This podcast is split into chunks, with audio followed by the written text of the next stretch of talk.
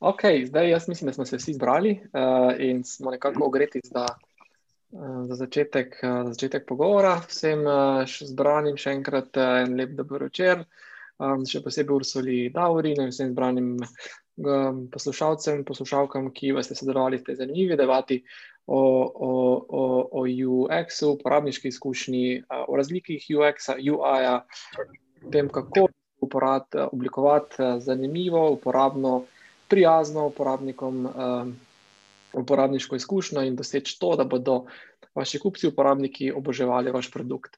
Predtem se potopimo v debato z, z našimi gosti, še na kratko en um, mali EPP blog o tovarni podjemov, ki organizira um, serijo Startup Muslijev. Od leta 2001 uh, smo podjetniški inkubator tukaj v, v Mariboru, ki so ustvarjamo spodbudno in na pravih vrednotah temelječe poslovno okolje, ki omogoča talentiranim posameznikom, kot vas je veliko tukaj danes zbranih, da razvijate podjetniške ideje in z vašimi rešitvami prispevate k boljšemu svetu. Um, in Ursula in Daurin sta prav takšni tipični profil, za katere poskušamo skrbeti um, um, vse v bistvu s svojimi rešitvami in svojim znanjem še kako spremenjate svet, kako bomo videli malo kasneje. Um, to počnemo z različnimi storitvami, uh, ta so svetovanja, mentoriranja, delavnice, treningi, dogodki, uh, imamo tudi poslovne prostore, in pa na drugi strani pomagamo v vseh nekako fazah uh, vaše podjetniške aktivnosti, od nekako čisto na začetku pri oblikovanju poslovne ideje, potem pri stopu na trg in prvih promocijskih aktivnostih, pridobivanju financiranja, povezovanju z različnimi organizacijami, investitorji, poslovnimi partnerji, strateškimi partnerji, um, potencijalnimi kupci in tako naprej. Uh, in pa seveda podpiramo tudi vašo vstop v širni trg na globalni, na, pri globalni rasti. Um, zdaj na enem primeru, morda, um, na katerega smo tudi zelo ponosni, skratka naše mariborsko podjetje e-forma, oziroma ki razvija portal Moj Mojster, tisti, ki ste se že um, soočili z izzivom prenove stanovanja ali pa uh, prenove hiše, gradnje, kakorkoli ste ugotovili, da je najti ta pravega mojstra um, pravi izziv in uh, moj mojster, kot slikovito pove njihovo ime, rešuje prav ta problem. Uh, začeli so leta 2013, um, takrat, ko so nekako vstopili v naše, v, v naše sodelovanje, um, so imeli eno grobo idejo o, o bistvu produktu, portalu, ki so potem nagradili, nadgradili, za to samo idejo so dobili potem financiranje P2. Um, leta 2014 um, pridobili naslednjo uh, rundo financiranja SK50, ki jim je, s pomočjo katere so intenzivno vstopili na trg uh, in zrasli do te mere, da so postali 2018 zanimivi za, za večjega uh, sklad tveganja kapitala. In hrvaški in pa nemški sklad sta jih dokapitalizirala in omogočila, da so praktično iz 2018 do 2019 podvojili svoje prihodke um, in se približali pol milijonu, um, zrasli ekipo in danes že posluje na kar nekaj drugih, drugih trgih, ekipa okrog 50 uh, posameznikov, uh, ki super delajo. Skratka. In podjetje smo nekako spremljali in ga še spremljamo v, na, na celotni njihovi podjetniški poti, uh, in prav to so nekako primeri, ki jih iščemo in ki jih želimo podpirati. V naših vrstah nekako štejemo okrog 200 podobnih podjetij, inkubiranih podjetij, in pravimo, na leto v tovarni organiziramo približno 100 tovrstnih izobraževalnih dogodkov, kot je današnji, pa delavnica, kot je bila Davorina, popoldanskem času tukaj na tovarni. Za našimi člani približno 1000 svetovanj, ur svetovanj napravimo na leto. Seveda so pa tu ogromno podjetij, na kateri smo neskončno ponosni, ki so dosegla um, um, zavidljive rezultate in se razvila od neka članske ekipe do uh, več deset, petdeset, sto članskih kolektivov, ki v bistvu ne samo da generirajo več kot več milijonske prihodke, ampak so tudi v bistvu v samem svetovnem vrhu, kar se tiče svojih prihodkov. Tako da vse storitve so za vas brezplačne, v zahvalo agenciji Spirit uh, in pa programu SIO. Um, tako da vse, ki uh, vas uh, vsaj malo so v teh uh, nekako predstavitvi zasrbeli prsti, ali pa, tele, ali pa vas je zanimalo, da nas kontaktirate, da, da vam lahko morda pomagamo na kakršni koli um, stvari, pri kakršnem koli izzivu, nas dajte kontaktirati info na startupmaribor.com, da govorimo se za vodno srečanje. um, in ugotovimo, kje in na kak način vam lahko pri tem pomagamo. Um, zdaj predlagam, da kar um, od tega EPP-ja skočimo na uh, debato. Z nami, so, z nami sta dva gosta. Um, Damjanu se je žal um, pripetila nezgoda, oziroma njegovemu um, desetletnemu sinčku in je mogel z njim uh, prav pred uh, pol ure v bolnico. Tako da bomo žal um, da, brez, brez uh, Damena, ampak um, sta Davor in Ursula. Popila vsak svoj čaj, oziroma uh, Ursula vodo, za razliko od njenih običajnih večerov, da vorim pa ledeni čaj in se našpiča. In um, sem prepričan, da bo debata prav tako pestra. Um, je pa Davorin, je pa, je pa danes sporočil, da se z veseljem tudi da priključi tisti virtualni kavi, tako da tudi vprašanja za njega uh, veljajo um, in bomo jih z veseljem prenesli naprej. Evo, kot običajno začenjamo z kratko predstavitvijo uh, torej obeh gostov. Um, Davorin, um, prvi si na vrsti, izvoli. Mm kdo si, uh, odkot prihajaš in uh, s čim se ukvarjaš. Odlično. Super, da si že tako uvod naredil. Um, mislim, prihajam drugače iz Makol, uh, delam pa podjetje Equalize. Equalize pa, kot si že omenil, je del bil inkubatorja. Takrat, če ti res nisem bil pri Equalize, sem za tri leta. Um, sem pa šef dizajna oziroma lead designer. Imamo ekipo štirih dizajnerjev trenutno, Eh, v kratkem, verjetno pa še bomo tudi razširili. Eh, delamo pa večinoma za angliške stranke, v Sloveniji pa imamo novo KBM kot pravno eh, stranko. Mhm. To pa je to. Drugač pa frontend in UX, UI, backend, frontend, pač web in mobile app agency. Ok, o teh vseh super zanimivih terminih se bomo še pogovorili. Razvozlali uh, skrivnostne pomene vseh teh kratic uh, in, in pojmov, o katerih bomo danes uh, govorili. Um, naprej, uh, Ursula. Uh, ja, živo. Jaz bom začela z disclaimerjem. Jaz nisem UX, UI dizajner. uh, uh, Drugače sem no, po izobrazbi arhitekt. Uh, sem pa tako že uh, z dizajnom se ukvarjam, pa v bistvu že od študentskih let, sprva glede grafike, pa potem prek weba. In zdaj v zadnjih uh, dveh letih smo ustanovili en startup, ki se imenuje Kobi. In um, sem se v bistvu zaradi tega produkta, no, predvsem srečala tudi z oblikovanjem uporabniške izkušnje mobilne aplikacije, zelo specifično skupino, kot so otroci. Um, ja, tako da jaz upam, da bom imela. Uh, povedati, uh, kaj uporabljam no, današnjo. Ursula je pregovorno, skromna, tako da um, um, morate, torej, da bomo ne, to njeno upanje tako v kontekstu imati uh, super, super. Tako da um, uh, brez dvoma bo to zanimiva debata. Um, hvala še enkrat na tem mestu, da ste, se, da ste si oba vzela čas in da sodelujete so pripravljene pokramljati o, o, torej, o temi, ki smo definirali danes. Za tiste, ki ste se pridružili kasneje, še enkrat, torej, še imate možnost, da si um, prislužite in priborite kavo z enim uh, izmed treh gostov, ki jih danes, uh, s katerimi imamo pogovor, torej skratka Ursulo, Davorinom ali pa Damjanom. Kako to naredite? Um, pojdi, greste na Facebook Startup Maribor, poiščete ta post, ki je tudi zadnji objavljen. Uh, v komentar zapišete ime gosta in vprašanje tistega, za katerega um, želite kaj uh, poprašati, oziroma s kom se srečati, in stisnete en like na post. In izmed vseh, ki ste to storili, boste to storili, bomo izžrebali um, in jutri obvestili um, enega po enega. Eh, ki bo si nekako srečal virtualno za, našim, za našimi gosti.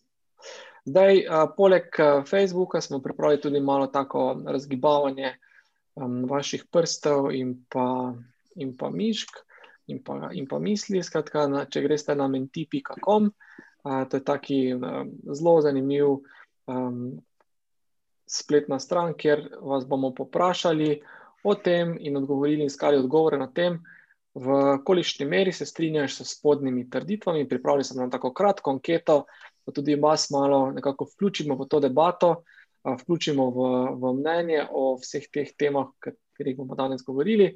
Skratka, če greste na to spletno stran, vtipkajte um, kodo, kodo dogodka, torej 25, 85, 056 na menti.com in glasujete, bomo z veseljem pokomentirali in uporabili vaše rezultate v debati, uh, torej kaj si uh, nekako vi predstavljate kot uporabniško izkušnjo. Evo, zaenkrat bom malo pustil ta menti uh, na slajdih, da lahko v miru pokomentirate oziroma odgovorite na vprašanja. Sicer pa um, bom spremljal tudi čat v Zoomu, tako da če imate kakšno vprašanje tam, lahko tudi tam zapišete ali pa priklopite mikrofon in kot uh, v starih dobrih časih uh, vprašate goste uh, z vašim glasom in z vašo sliko. Evo, še enkrat, um, evo, vabim vse, da sodelujete tudi z priklopljenimi kamerami, da ne bomo imeli preveč občutka, da govorimo samo um, nemim sličicam, um, ampak uh, evo, to je to. Uh, Dobro in začetek uh, za ogrevanje. Za ogrevanje malo vprašanje, torej, um, zdaj, kakšna je zdaj razlika teh super kratic, o katerih si govoril, UI, UX, uporabniška izkušnja. Kaj bi ti, recimo, Ursulinem sinu, če se ne motim, 12-letnemu, razložil, kaj je to UX ali UI in uporab, uporabniška izkušnja. Evo, to so zdaj priprave za starševstvo. Super. Ja, mislim, eh, UI. Jaz bi rekel, da UI je precej manj, uh, rekel, manj obsežen kot UX. Ne? UI, kaj lahko pomeni UI? UX. UI, user interface. UI, user interface, UI, UX je user experience. Ne? Zdaj pri user interfaceu se tudi prepleta, seveda, z UX-om, ampak bolj je fokus na pisavah, barvah, razmerjih, eh, tisto, kaj dejansko pač vidiš. Medtem ko UX pa je bolj, kak je, kak je flow, to pomeni, kak uporabnik, ki gre skozi spletno stran, eh, kaj se mu bo odprlo, kaj bo on pričakoval. Eh, recimo, če on nekaj izpolni, da se shrani ali se ne shrani.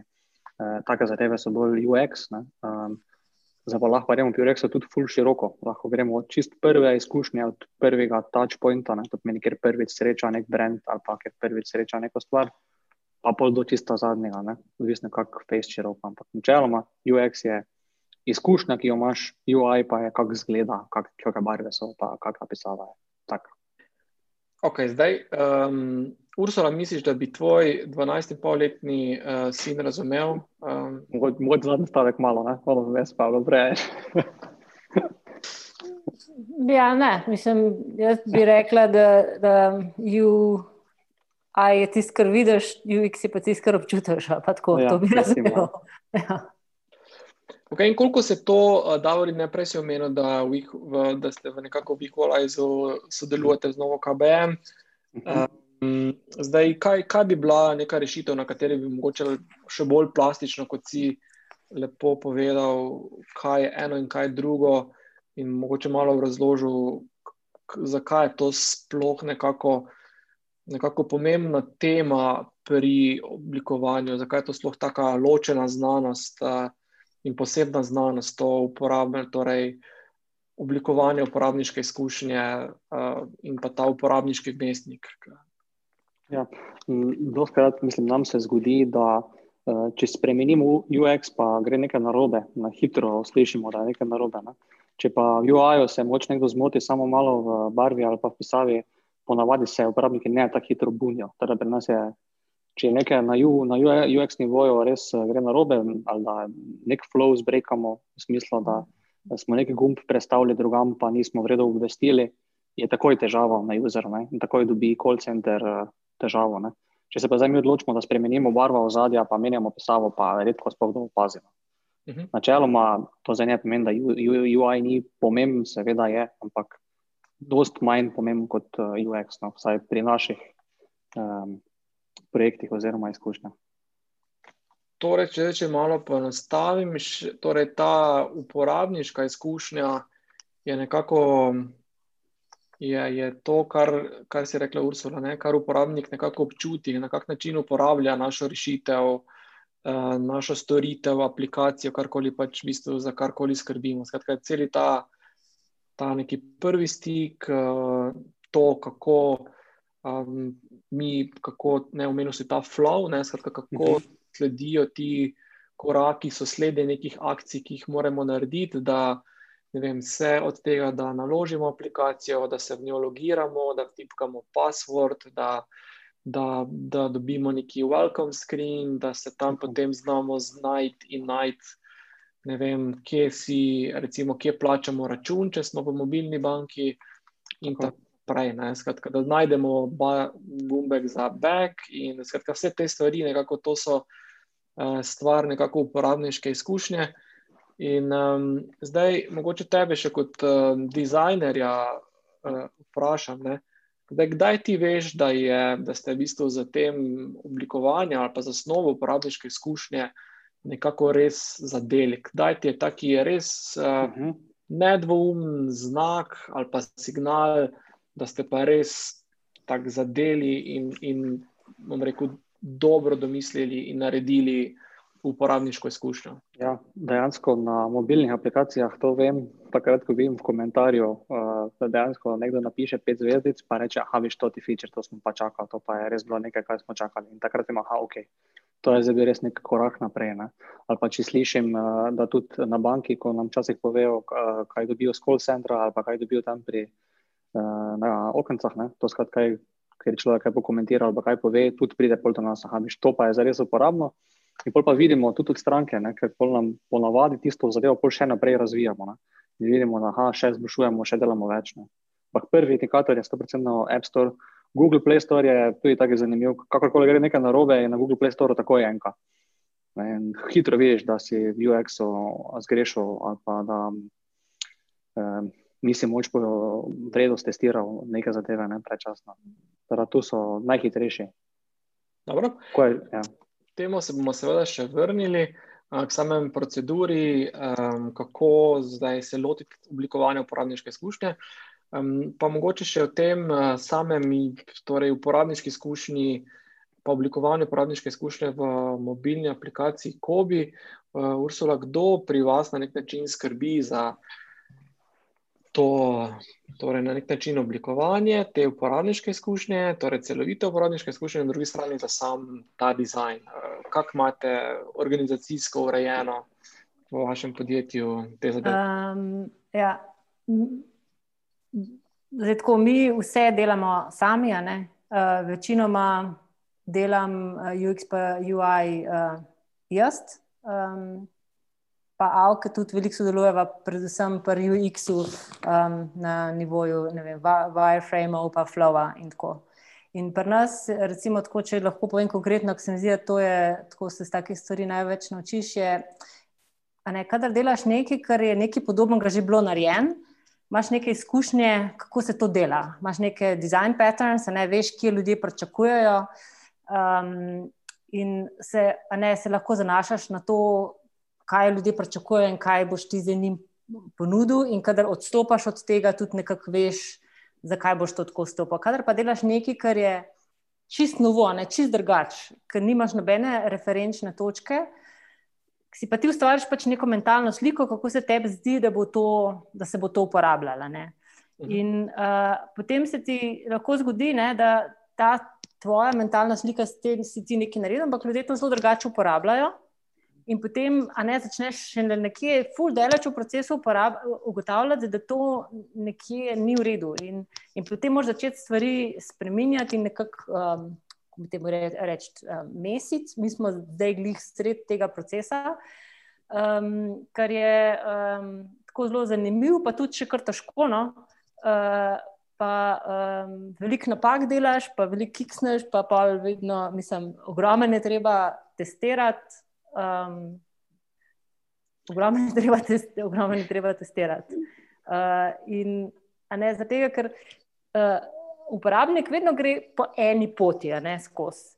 Ampak teh uporabnikov je seveda veliko, zato je teh poti zelo, zelo ogromno. Ti moraš čisto vse predvideti, da so vse logične. In zdaj le, je to tako, nastane, je zelo kompleksen problem, kjer mora vsaka pot iz vsake strani biti uh, logična. Uh, tako da je. Je, je kdo eden vprašal nekaj, ali je to sam bil po nesreči? Ne, po, po nesreči. Um, ampak kar je meni tako zelo zanimivo, na, na tem, meni je to blizu, zato ker arhitektura je na nek način tudi taka. Ne?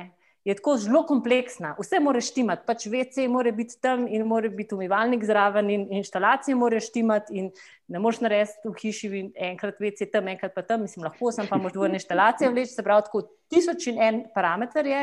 In zdaj v resnici je tako res uh, en tak mega skill vse to nekako sestaviti, da se to v eno skupno, a ne estetsko in prijetno in, in uporabno uh, celoto sestavlja. Um, Tako zanimiva primerjava med, uh, med arhitekturo ali pa oblikovanjem neke, neke stavbe ali pa hiše ne, uh, in, in uporabniško izkušnjo, ne vem, mobilne aplikacije. Ker, Če malo potegnem nekih sporednic, ne, recimo, Davorin, uh, koliko recimo uporabnikov uporablja recimo mobilno banko, tako preko palca? 100 tisoč. Okay. In zdaj, torej, ogromno uporabnikov. Ne? Uh, Ursula, verjetno, ne vem, če pogledamo. Recimo, Cankarjev dom, verjetno tudi več kot 100 tisoč uporabnikov obišče Cankarjev dom. Ne? In tu je verjetno so neke sporednice, ravno to, kar si omenila. Skratka, tako da mora biti login gumb na ta pravi mesto, da bomo ga uporabniki našli, ali pa neka bližnica za, za izvajanje neke akcije, tako verjetno v Cankarjevem domu mora biti vem, infotabla na pravem mestu, pa VC na nekem logičnem, um, ne, um, dvorane mora biti, smerokazi mora biti logično in tu so sporednice med arhitekturo in ne, uporabniško izkušnjo. Um, uporabniško izkušnjo neke digitalne storitve. Ne to, kar si omenila. Mislim, se, ne, na, neki, na nek, nekem zelo bazičnem nivoju je pač isto, zdaj, če je neka javna zgradba. Ne, ti pač prideš nov z nekim namenom, zato da boš pač nekaj opravil ali pa nekaj doživel.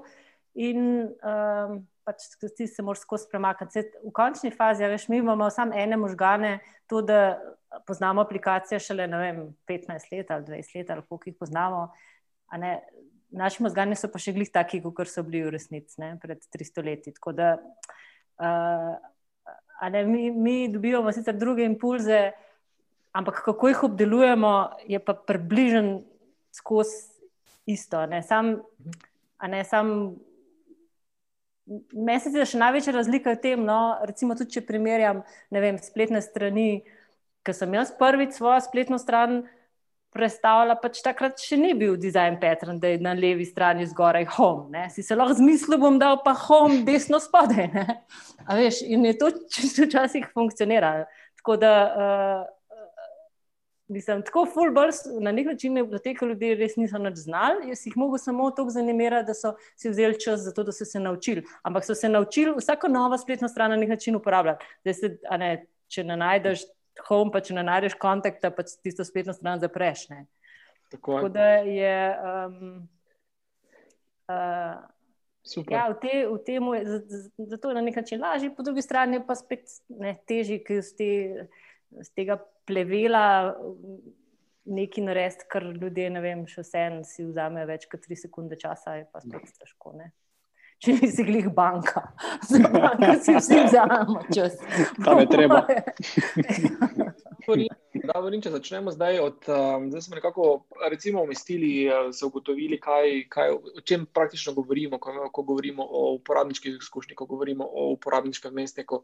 Uh, in če zdaj najprej uh, nekako se lotimo tega um, uh, malo bolj konkretno in detaljno, tega zasnove uh, um, uporabniške, uporabniške izkušnje. Uh, zdaj, Davorin, vi delate veliko um, rešitev, digitalnih stvari, rešitev za, za vaše klijente, um, in je verjetno imate nekako že utečen proces um, oblikovanja produkta. Um, zdaj, nam lahko zaupaš, kako je najbolj logično, oziroma kakšni so ti koraki kako se ti lotiš oblikovanja neke uporabniške izkušnje? Skratka, do tebe priročnik in reče, ok, jaz bi naredil to in to in to. Ne? In kakšni koraki, uh, kje začneš, uh, kako se ti lotiš tega v bistvu procesa, da nekako na koncu prideš do tega, kar ne samo kar naročnik želi, ampak tudi nad čimer so uporabniki navdušeni. Dovolj, ja. Um, pri nas je doskrat ta dva tipa no, projekta. Ali je nekaj čist uh, novega, to pomeni, da začne iz čiste nule nek user, mislim, nek, neka stranka, ali pa da pride nek uh, že z obstoječim aplik aplikacijo ali pa spletno stranjo, pa bi pač rad nadgradil ali pa rebranding ali pa nekaj takega naredil. Ne. Ponavadi vedno prvi korak je nek sestanek, neka delavnica, vsaj enodnevna za stranko, da mi sploh pridemo na, na isto stran, kje smo, kaj želimo, kaj je nek, rekel, mi gremo tudi z tega, kaj je biznis uh, stranke, kaj je najbolj ključna stvar, da spletna stran ali aplikacija naredi, kje oni delajo denar, kje imajo oni stroške, kako lahko mi najboljše naredimo. Ne. Pol pa odvisno od velikosti projekta. Za neki projekti, ki so rekel, res večji, uh, naredimo design sprint, štiri dnevni, da pridemo do nekih prvih teh wireframeov. Um, naš, na, naš načelo je, da tudi čim prej v Figmi ko prijemo, mislim, bar fremiš ti skice, v bistvu, no, kako delujejo, da malo tak uh, na čim bolj enostaven način uh, se narišajo, toliko da pač vidimo nek potek, kaj bi sploh bilo uh, na, na dizajnih. Ne. Pol pa potem to prvo za stran, Orvan, kaj si nekaj, se kaj vprašal, ker te ne slišim.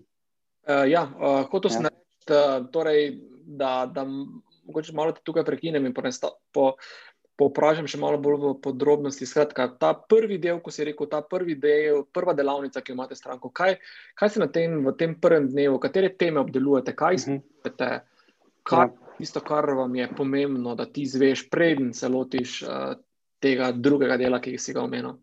Prvo gremo, kaj je sploh njihov produkt, kjer je problem, rešuje produkt, kdo je uporabnik, uh, kje želijo biti čez dve leti.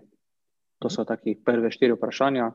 Eh, to razdelamo, koliko se le da. To ponovadi traja lahko eno uro, dve uri, odvisno, um, odvisno kakšni roki so, oziroma koliko že imajo nekih zadev. Ne. Tu, tu je z tega vidika. Teda to, to je prvi, prvi korak. No.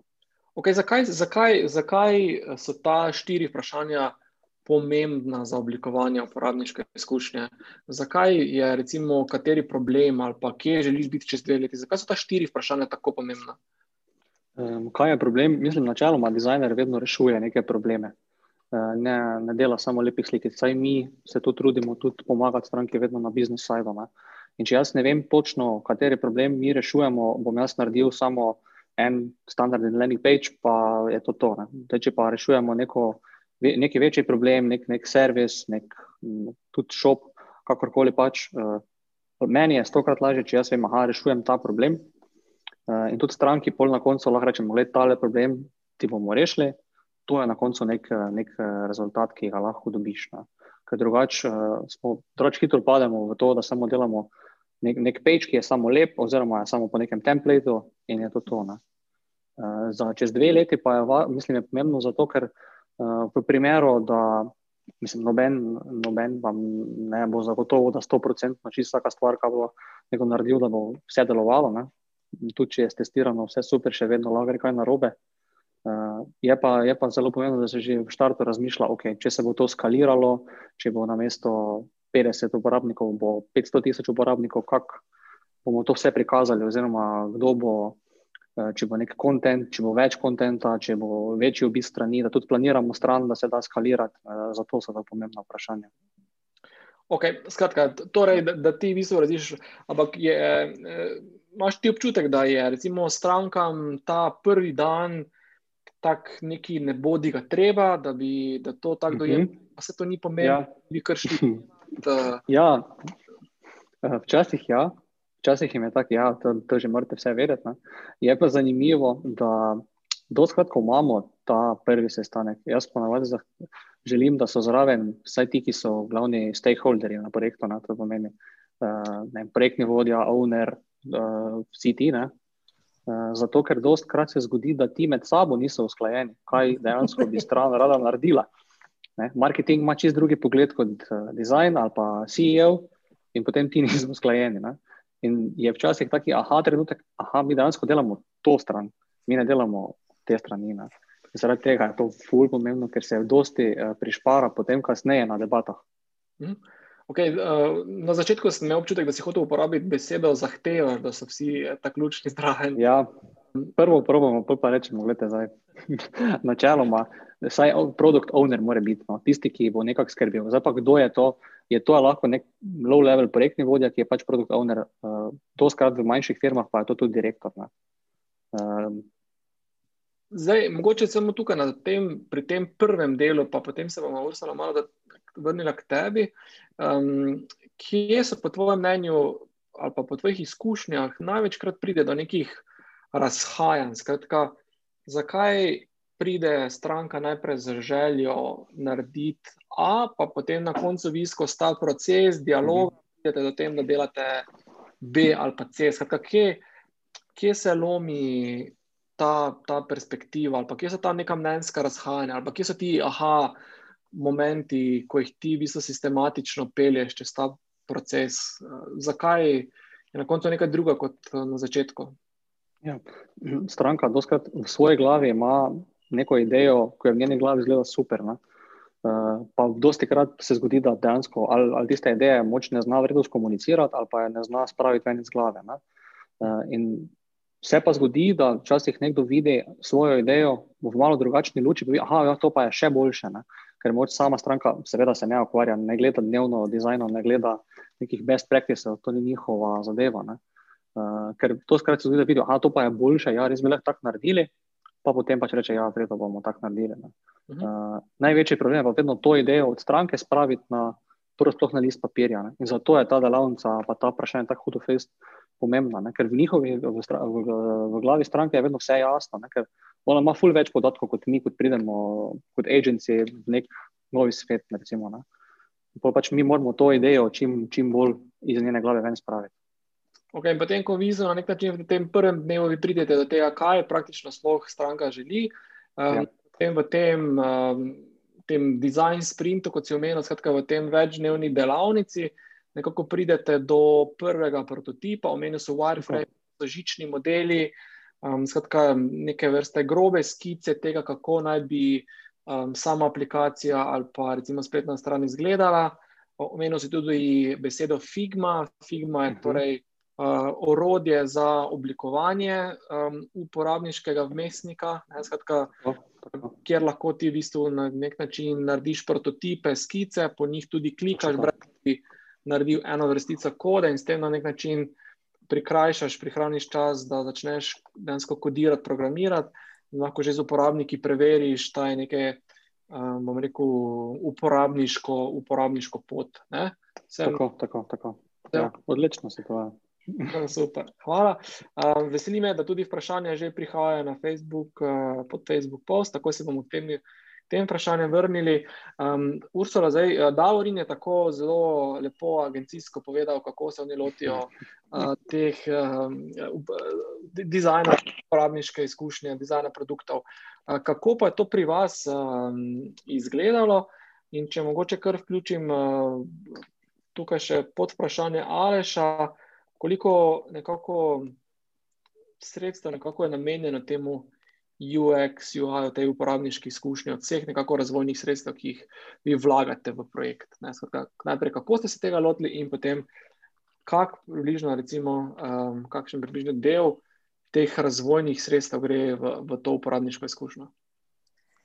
Um, da, jaz mislim, da je ja, Davorin čist super povedal in tudi, mislim, jaz sem, smo imeli agencijo prej ne? in da je v bistvu ta proces na nek način zelo podoben. Največji izziv je, da ti, kot, ne, kot vaša stranka, ali pa zdaj v našem primeru, uh, mi sami sebi, uh, včasih ne veš točno, kako, ne, kako bo. Misle, pač probaš čim bolj predvideti, uh, um, kako bo, in, in, in po drugi strani si nakopati na glavo čim manj nekih fleksibilnosti, ker vemo, ne, da fleksibilnosti pač prinašajo s sabo še toliko um, uh, večje izzive. Drugače pa pač delamo podobno, kar se rečemo, ok, zdaj bomo pa se tega lotili, potem pa to najprej um, naredimo, mislim, da delam v tem trenutku v XD-ju, um, pa tudi razmišljam, da bi šla na Figmo, no? um, mogoče še kakšna na to temo, potem malo kasneje. Um, uh, pa, pa, prosim. Kaj je to XD? Isto, mislim pač od Adobe uh, softverje, v katerem lahko pač ustvariš interaktivne, Okay, okay. da mi je prototipe um, um, Apple ali pa česar, česar koli. Dobro. Um, ja, in pač na, mislim, zato, ker delamo, uh, ponavadi začne avke z um, uh, wireframe. Mislim, zdaj v, zadnj, mislim, zdaj v tem obdobju smo ta proces izboljšali, no? tako da res naredimo boljše wireframe, bolj natančne. Potem začnemo bolj izrisovati, da dajemo kontent um, čim bolj realen, noter. Mislim, se mi zdi, da tako dober, da mi kontent je ful, uh, ful pomemben. Ja, je važno, ja. Uh, in tudi jaz sem v enem trenutku, že leta nazaj, no, začela v bistvu pisati kopij, tako kot se mi zdi, da, da bi dejansko mogel biti. Zato je, ker ne, ta Lorem Ipsum je tako največji um, problem. Um, ne, Ja. Tega in, in mislim, še, ko sem delala s strankami, sem jim ful težila, da sem jim zelo natančno povedala, ja, bomo imeli novi, ne vem, najprej novice, bomo imeli novice, ok, koliko bojo te novice dolge? Ja, ful dolge. No, okay, kdo jih bo pisal? Tok časa, dokler nismo prišli do tega, zato ker včasih si oni predstavljajo, da ja, moramo imeti novice, pa moramo imeti blog, pa moramo imeti ne vem kaj, potem pa ti zastaviš celo arhitekturo, ne vem, nek, ne, nekega, neke spletne strani portale na temo, potem ugotoviš, da že pol leta noben ni napisal. Ne, mislim, in, uh, uh, in včasih se to zgodi tudi. Ne, sam si rečem, pač, te stvari treba predvideti. No? In zdaj, ker mi pač veliko teh um, pitfallov uh, že vnaprej poznamo, ki mogoče se lahko izognemo. Čakaj, kaj si me še vprašal? Um, Delež. Kako namenjamo? Ja. namenjamo um, um, mislim, zdaj, ne, mi, predvsem, naš resurs je čas. Um,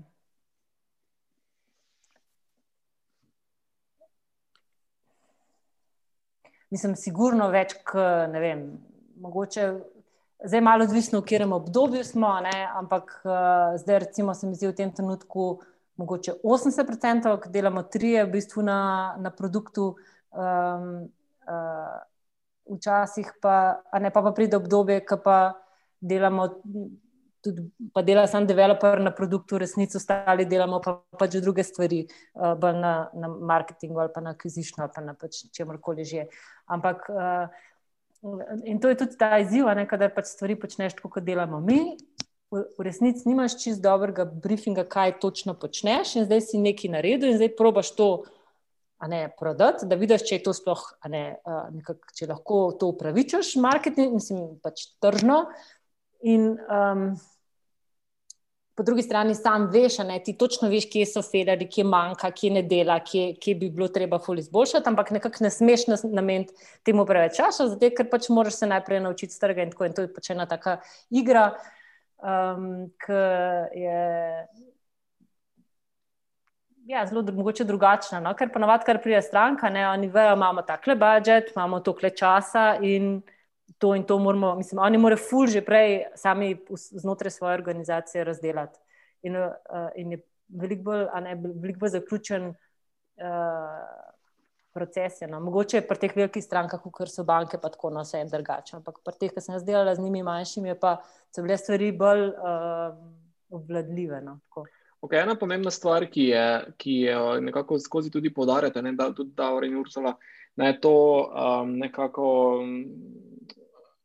testiranje, raziskovanje nekako uporabnikov. Ne? Koliko v bistvu in na kak način sploh um, torej se ukvarjata z, z temi vašimi uporabniki, v kakih fazih jih vključujete, v kakšni meri jih vključujete. Na kak način jih vključujete, kako se z njimi pogovarjate, delate vem, intervjuje, delate neke usability teste, delate vem, landing page, delate AB testinge. Um, kaj v bistvu počnete, uh, na kak način raziskujete, se ukvarjate s temi vašimi uporabniki? Um, Lahko jaz samo pogledam. Ne, ne, ne, kaj ti je.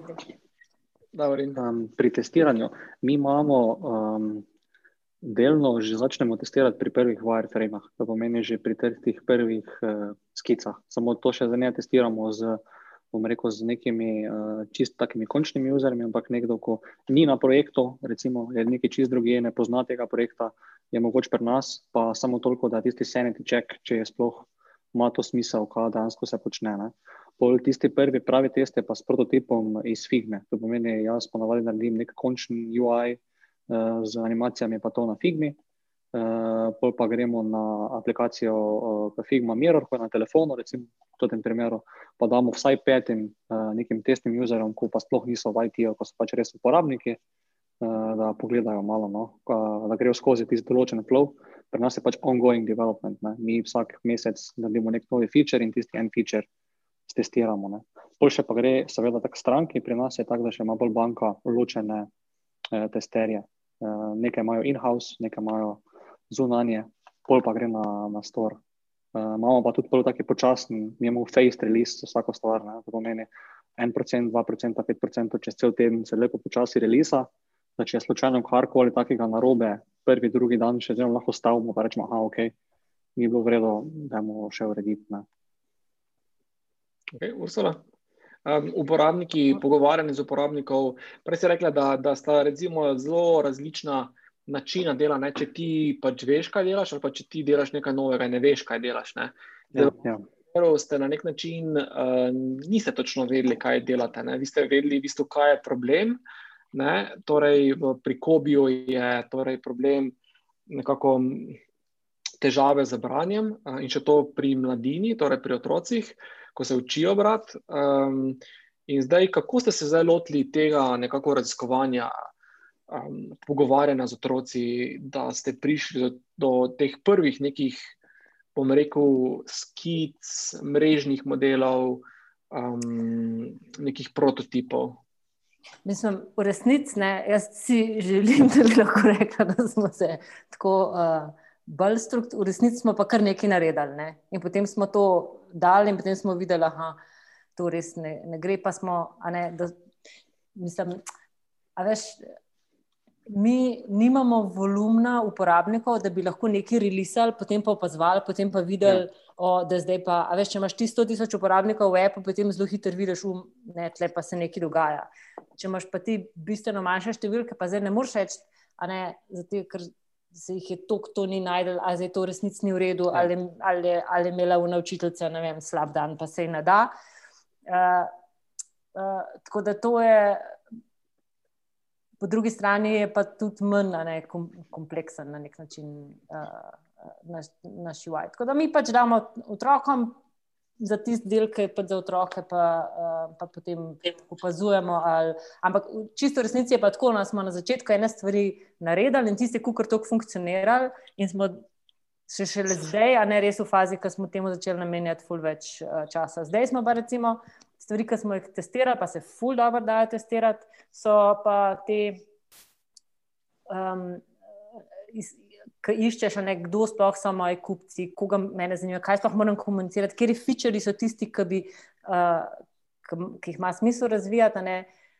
Se pa da, ne, ti lahko postaviš spletno stran tako, da boš lahko zelo lepo kanaliziral ljudi, potem pa se zelo hitro vidi, po parih tednih ali pa, še, ali pa po enem tednu, ne, da ene stvari imaš, full, full večji click-through rate, kot pa na neki na neki ja. drugi, uh, drugi strani. Mislim, v resnici, ne, kar je na webu, ful lažje za testirati, zato ker se lažje implementira, ti noč ni treba čakati in, in ful večji, a ne maso ljudi imaš, ki na, na njej lahko um, se, nekaj, se nekaj naučiš. Um, ja. Oba sta omenila ta, ta neki proces nenehnih izboljšav, skratka, nekaj narediš, implementiraš. Um, stestiraš in potem greš to izboljševati, popravljati. Um, Zdaj, kaj so nekako ugotovitve pri tem, pri tem procesu, skratka, izboljševanja? So kakšne take zelo, bom rekel, neke splošne stvari, ki, so, ki, ki, ki jih popravljate, ali vas, kaka, katera stvar vas je najbolj presenetila, da ste mislili, da bo, vem. Rdeči gumb, zdaj na pamet rekel, najboljše deloval, pa na koncu zeleni. Uh, kaj so nekako te v tem procesu izboljševanja, kaj so neke najpogostejše napake, mogoče, ki sta jih vidva opazila, um, pa kaj je bila mogoče ena stvar, ki jo je tako totalno presenetila v tem nekem feedbacku. Mm, bom, bom jaz, Ursula. Pa, ja. um, najpogostejše napake, jaz sem kar navezan na to, kar je prej Ursula rekla. Neki design patterni že obstajajo, neke navigacije. Če gremo kadarkoli, mi smo tudi imeli kako obdobje, ko je neka stranka moč želela kaj drugačnega, kaj novega, pa smo full odsvetovali, uh, da se navigacija full eksperimentira ali pa call to action button, da se spremenjajo pač ti osnove. Uh, tam je vedno bil nek slabši rezultat, glede na pričakovan rezultat. Teda, če nekdo te osnove uh, nekih navigacij in to, če se to res preveč eksperimentira, lahko gre na robe. No. To je bilo tako.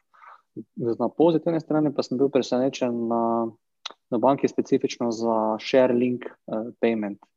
Je bil bolj uspešen, kot smo mislili, oziroma niti neka reklama ni bila, pa se je kar sam organsko začel od enega do drugega širiti. No. Če jih je bil dokaj omejen, oziroma bo verjetno v drugem letu še dosti boljši. Tudi en razlog tega je, ker je pač toliko, toliko rasti bilo na analitiki, ravno na tistem featureu. Mm. Tako da, ja, no, to na kratko. Okay. Uh, Ursula, pri vas. Torej, uh, kaj so bile najpogostejše napake, ki ste jih torej popravljali, potem, ko ste delali nekaj iteracije, in kaj vas je mogoče po odzivu um, v bistvu presenetilo, ne, da nekaj, ali da je nekaj delovalo, kaj ste mislili, da ne bo delovalo, ali pa kontra, da nekaj ni delovalo, za kar ste bili 100% prepričani, da bo delovalo. Veš, v resnici ne, uh, za noč nisi 100% prepričan, da bo delovalo. Mislim, boš, da greš neko drugo službo, če, če to rabiš, za za to, da greš spat.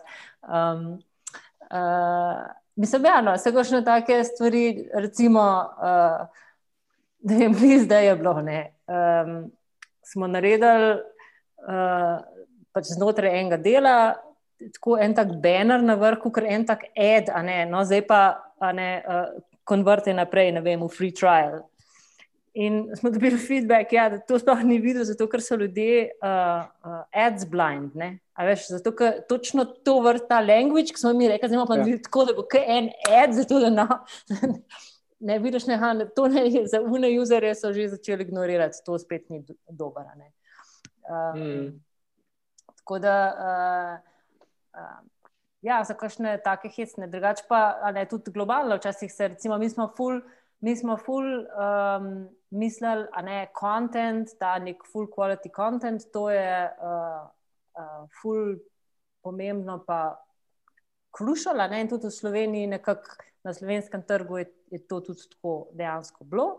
Um, potem se je pa zgodilo, na nek način se zdaj dogaja, no, ni se ni še čisto potrjeno, ampak točno to, kar je rekel Matt Mayfield, nam ne, v Sloveniji si učiš točno napačne stvari, ne, da na ameriškem trgu pa uh, ne, to ni zdaj un make it or break it. Ne. Mislim, da s takim kontentom, ki ne, pač tako recimo, da vidiš, da si se da se lahko zmotiš tudi v zelo teh nekih osnovnih predpostavkah enega, uh, enega produkta. In zaradi tega, je recimo v našem primeru, mi v resnici zdaj smo še v fazi, ko moramo dognati, kateri je uni najbolj pomemben core feature, na katerem bomo mi lahko um, zgradili produkt naprej. Ker imamo tri, in vsak od njih bi lahko bil nek ta nosilc. Um, vem, recimo, cel, celega tega osnovnega brenda. No. Tako okay. da pač opazujemo te, te stvari in vidimo, in poskušamo se čim več, največ, čim več naučiti iz tistih uporabnikov, ki pač so. Ja. Zdaj, zdaj, v tem trenutku, glede na to, da smo v septembru šele sploh šli na ameriški trg. In da smo zaštartali sploh s kampanjo, niti nisem z advertizingom, niti ne za app sam, ampak smo naredili ene take vsebine, um, ki so lead magnet rečeno, recimo, smo se malo tleli. Smo naredili en tak. Um, mislim, v bistvu je to pol digitalni produkt, ampak pač se ga tudi da na Amazonu kupiti. Uh, zato je sploh isti mase, a ne uporabnikov, nekako najdeš tiste, ki bi jih eventualno tvoj produkt zanimal. In zdaj bomo v naslednjih tednih z uh, e-mail marketingom videli, ne, a, a jih znamo konvertirati, da so to prave stranke. Okay. Tako da jaz mislim, da naslednji cilj je pridobiti na veliko uporabnikov, beta uporabnikov, da lahko pa te stvari boljš. Um, Zdaj, tukaj je vprašanje za, za oba, ne, skratka, in Davorin in Ursula, mogoče Davorin. začnemo znova s tabo. Uh, Tamaro zanima, ne, oziroma je podala vprašanje, uh, kako si se ti v bistvu podal v ta UX design, oziroma ker pač to ni zdaj nek predmet na fakultetah. Ne, uh, in uh, um, večinoma podarja ta sam dizajn, ta torej UI, torej kje, kje se ti v bistvu učiš, uh, um, kje, kje najdeš. Uh, Strokovne podlage, skratka, kje, kje dobiš to neko temeljno znanje, da ga nadgrajuješ. Uh, ja. Imáš konkretno kakšne vire, kakšne fajne knjige. Ja, um, začel sem v bistvu s tem, jaz sem bil vedno uh, Apple navdušenec, Apple fanboy, moč tudi v malo ekstrem, v štartu. Uh, in pol smo nekako začeli se s kolegi pogovarjati, da bi bilo fajn, da nek uh, app naredimo. To je bilo že deset let nazaj, pa smo pa pač začeli. In jaz pač nisem znal programirati, smo rekli, da bomo pogledali, kak je pri tem uh, dizajnu. Pa sem začel, uh, valjda v štartu je bilo vse slabo, oziroma bolj kot ne za nič. Uh, pol čez čas uh, sem malo nehal, ker se tam smo tudi. Uh, Mislim, ni, nisem tako fest čutil več tudi ne dizajna, pa sem šel bolj za projektni management, tudi uh, faks je bil usmerjen za projektni management. Je pa pol se mi pravilo, glede zaradi uh, tega, ker sem pač znal tudi neki WordPress, pa ker sem znal malo postavljati strani, da sem pač vedno, vedno več delal nekih spletnih strani.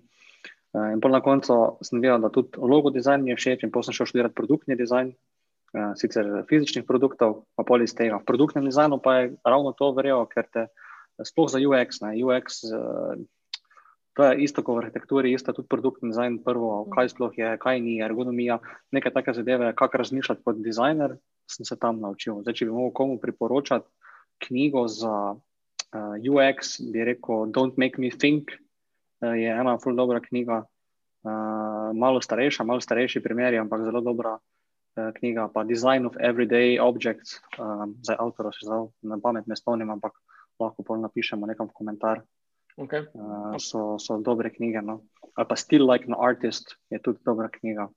Um, drugače pa za UX je ogromno nekih tečajev. Ampak jaz bi rekel, design sprint in design thinking sta take dve metodologiji, ko je fajn, če jih vsak prebere, malo naštudira, sploh design thinking, pa lahko vum pobere. Od, od prve faze do potem ideacije, in tako naprej. Uh mhm. -huh. Jaz uh, večinoma gledam, uh, trenutno pač valjda gledam Behance, Dribble, kaj počnejo drugi. Eh, UXPlanet.com je en redni page, ko ga tudi spremljam. Na mediumu so včasih dobre članke. Najde se eno, ni, ni zdaj na YouTubu, recimo The Future, ima dobre um, uh, design teme. Um, da, vrnite čas, ko uh, mogoče na isto vprašanje odgovori Ursula, lahko par teh knjig, par teh uh, strani tega na tipku čet, da lahko vidiš, uh, uh, Ursula, kaj pa ti, torej, uh, kje, kje si ti, torej, rekli si, da si arhitekt. Začela imaš tudi arhitekturo.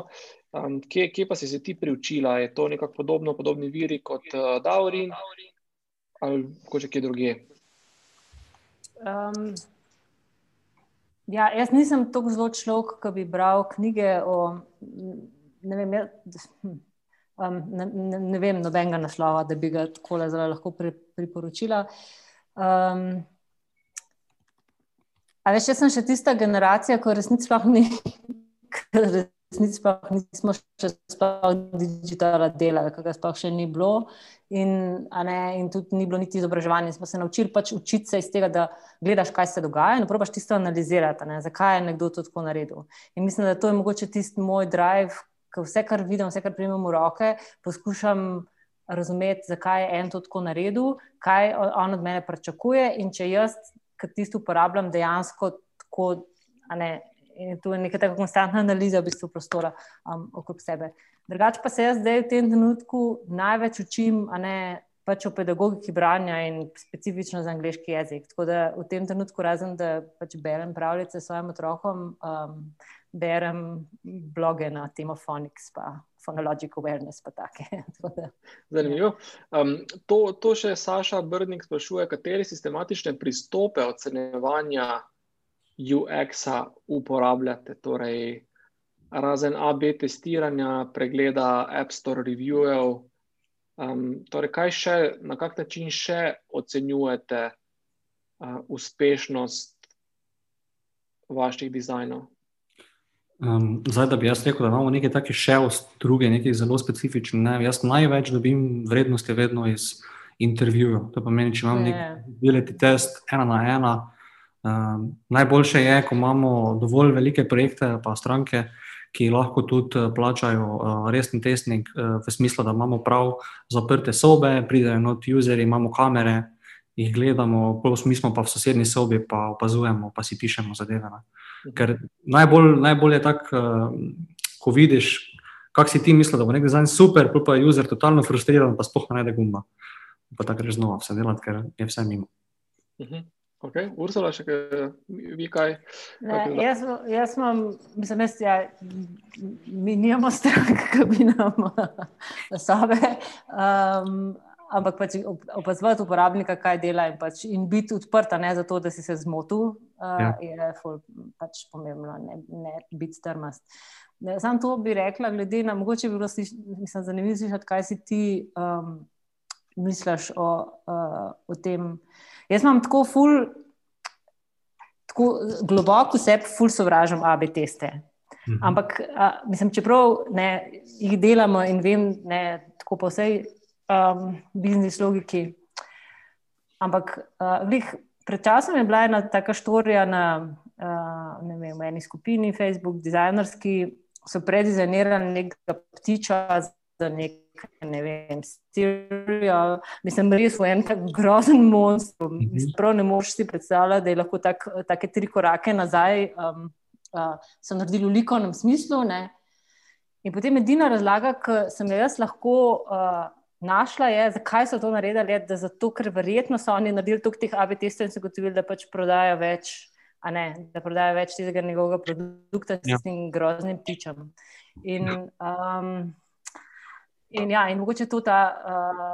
Uh, Včasih ni bilo mogoče delati AB testov, ne, ker pač tega volumna, neke, uh, nekega feedbacka ni, ni bilo mogoče. Potem je verjetno nek zelo dober oblikovalec pač z nekim feelingom, izkušnjami in intuicijo pač prišel do ene rešitve, ki je bila očitno boljša od druge, pa je to upal nekako prodati svojim strankam. Uh, ja, ne vem. No, Mogoče, ne vem, mogoče kakšno na temo, ali je to. Ja, mislim, um, mi smo imeli, recimo v Angliji, je bil en mini cabin, ki je ta uh, AB testing fural, pa recimo tudi ena druga stranka z Nemčije, full face. Pač po enem kraju jaz ne bi nikoli prišel do nekih takih zaključkov, da bi nek gumb malo bolj levo ali pa malo bolj na drugi strani, bom rekel, na navigacije, da je bil boljši, kvečemu slabši. Samo je tisti, AB pač to dokazal, pa dejansko so imeli večji revenue. Zdaj, če gledam čist kot dizajner, rekel, eh, ne vem, če, če je to glih verjel. Če pa gledam strani nekega biznisa, kaj pač tudi mi nasploh bi pa raje dosegli, da čim več konverzije ja, če je AB pokazal, pač more. Ne. Je pa po eni strani se pa strinjam, da lahko gre to, da gre full v ekstrem, pa pol na koncu ta AB eno, eno spremenljivko full dvigne, medtem ko pa na drugi strani pa lahko neko stvar uniči. Ne. Pa se mogoče ne z prve takoj vidi, pa to čez pol leta, ko me vidimo, vem, da je pa mm, neko drugo stvar, neki drugi indikator šel dol, pa ni takoj eh, povezano. Teda, tu je tak, tak, no. jaz mislim, da dokler se katera orodja, da je Nurstola, pa ta recimo, analitična orodja uporabljate za recimo, uh, uh, analizo vedenja uporabnikov v vaših digitalnih produktih? Uh. Ja, ena taka, ko je full free tool, pa tudi free tool, v štartu je hotjar. Uh, lepo pokaže, kje je user klikal, kako dolgo je bil na strani, kje so hotspoti, kaj je hodil gledati. To je, po mojem, za začetnike, pa tako nasploh je kul. Cool, Okay. Ostali YouTube so že bolj kar dražji, pa po mojem, hočar je prvi, pa, pa naprej. No. Okay.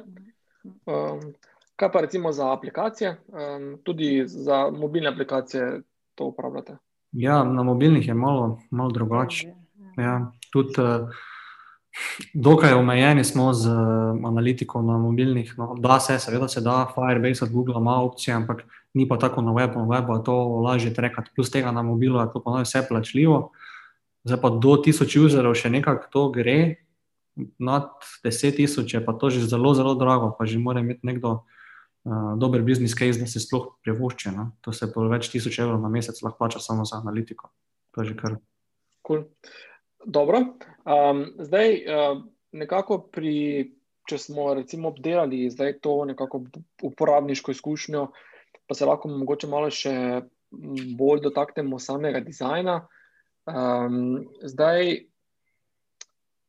skozi nekako zgodovino, pa skozi obdobja se nekako oblikuje neki trendi dizajna ali pa oblikovanja. Um, če pogledamo pač neka obdobja, recimo oblik, pač v enem obdobju nekako prevlada nek uh -huh. rekel, slog ali pa tip nekega oblikovanja. Ne In tako na spletu, kot na mobilnih aplikacijah. Ne. Običajno te velike, uh, velika, velika podjetja nekako ali diktirajo, uh, ja. narejo, izumljajo, usmerjajo te trende. Um, ampak um, recimo, kaj, kako, kaj so zdaj nekako zadnji trendi, kako vi odgovarjate na te nekako trende. Ne? Zdaj, če Google ja. ne, začne s tem nekim material design, ki je bil, zdaj ne vem, niti, če je to zadnji trend ali zdaj še kaj novejšega. Ali pa ne, včasih so bile senčke in včasih zdaj. Senčke niso več in je vse bilo flat, zdaj pa ne vem. Pač, skratka, koliko, kje to spremljate, te dizajne, koliko, vem, koliko sledite, um, um, kak, kako je vaše mnenje glede teh nekakšnih oblikovalskih trendov? Ne? Ja, mm. Usala boš ti začela? Ja, bom jaz prva. Um, mislim, uh, zdaj, dokler, ne, če delaš za. Pač slediš, veš, kaj se. Pač zagotovo ne boš zdizajniral nekaj, kar zgleda, da je bilo narejeno ker že zdaj le zgleda, da je, da je staro.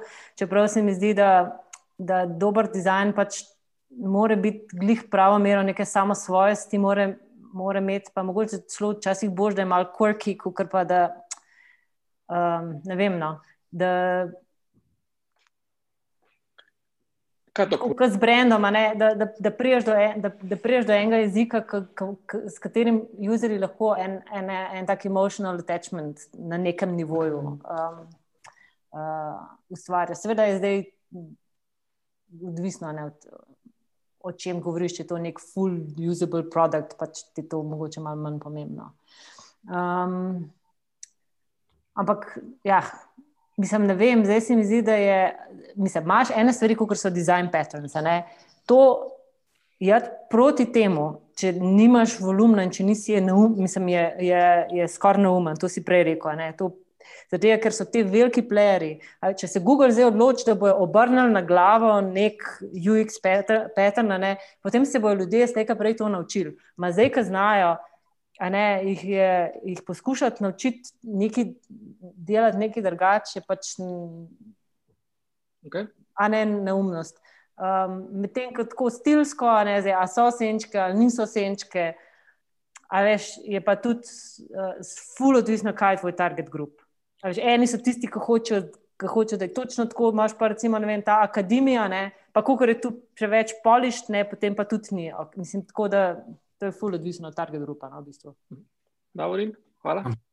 Um, glede trendov, seveda, mislim, treba jih spremljati. Tako je tudi material design je pač postavil neke, na webu neke standarde, ko jih je fajn, da se pač jih držimo. Tudi ikonice material design so tako tudi Facebook popularne, da jih je fajn, ker tudi user ima bolj manj cognitive load, ker jih že pozna, ne pa jih že vidi.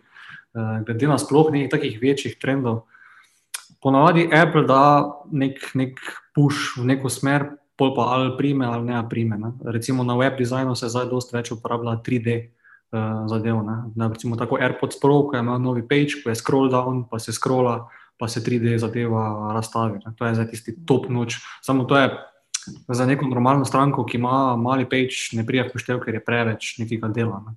To je, to je neki taki trend. Zdaj mi pri naših strankah, jaz sem zagovornik. Uh, pač zim, da dizajn čim bolj dolgo drži. Da, če greš full po nekem trendu, pa ga moraš vsako leto spremenjati. Um, Probaš nekaj narediti, da vse eno, tako je rekla prej Ursula, da ne zgleda čisto, čisto zastarelo, da zgleda v tem letu. Um, po eni strani bom tako rekel, nekaj je treba, ampak pri neki večji aplikaciji, eh, ko, če greš cel redizajn delati, preden ko ga končaš, si tako in tako že zunaj, že spet drugi trend. Uh -huh. Treba biti. Uh, bo, jaz bolj pravim narediti, da bo ostalo še vsaj pet let v redu, pa moč tu, pa tam, kakšna manjša stvar se prvo narediti po nekem trendu. Ne. Okay. Zdaj, če smo pri tem uh, dizajnu, še ne, uh, en izmed takih, ne vem, če je to trend ali pa je to pravilo, kakorkoli.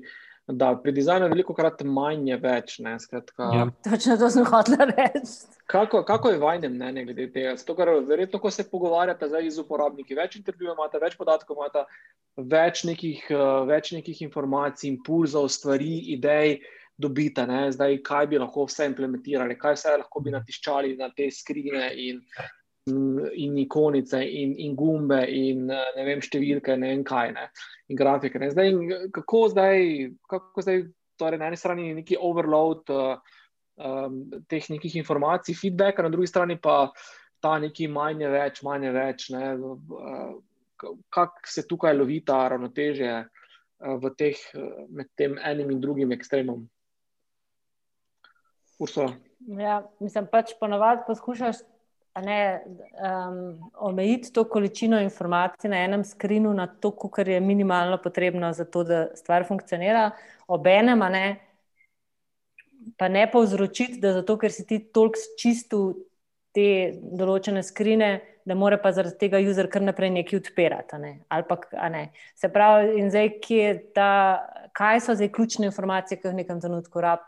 Um, zato, da bo pač naredil to, pa kaj boš skril, je pa, je pa stvar dobrega procesa, kot ga je prej um, on uh, opisal. Ampak tako kot povsod, se mi zdi, da je narediti stvar, ki zgleda minimalistična, ne, ampak funkcionira, dela, je ful težji, ampak res ful težji, kot pa narediti nekaj, kar. Ne, je pač zabit in napolnjen, in uh, In včasih se mi zdi, da uh, ne vem, no, uh, mogoče so ljudje ne, ne zavedajo, skozi še posebej stranke, ne, da, mm. da, da, um,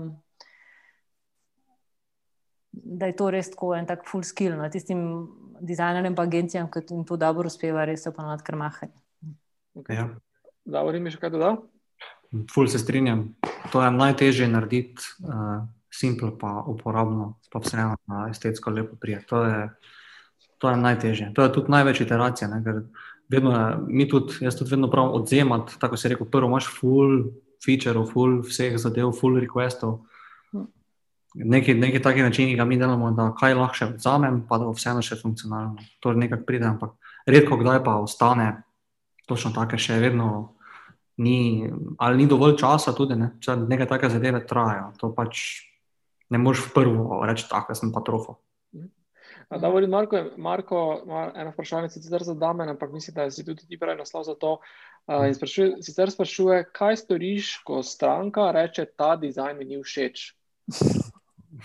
Gledal, ja. mislim, ne nas se zdaj počutim, nekaj, da bi rekel. Um, Najem se krega v stranko, vprašajo, bom, kaj jim ni všeč. Recimo, okay, uh, ti ni všeč barva, ti ni všeč pisava, zakaj, čem je fura. Ne? Si se pogovarjal s kom drugim, jaz bi rad samo razumel, kaj je. Ne? Pol pa na koncu vprašam, okay, uh, če je neka banalna stvar, ne vem, barva se bo čisto obrnila.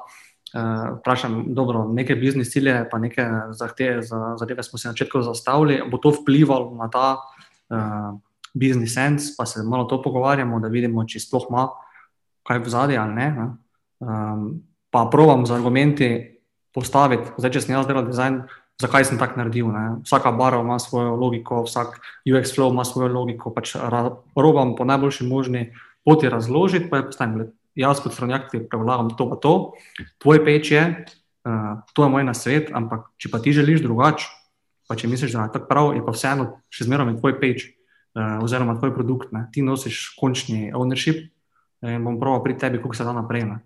Mhm. Če ni neka stvar, ki čist breka, sajt, če so neke minimalne take zadeve, ki so bolj, da nas dizajnere boli, pa mogoče user hoče imeti nekaj drugače, pač več kot svetovati, mu včasih ne moreš.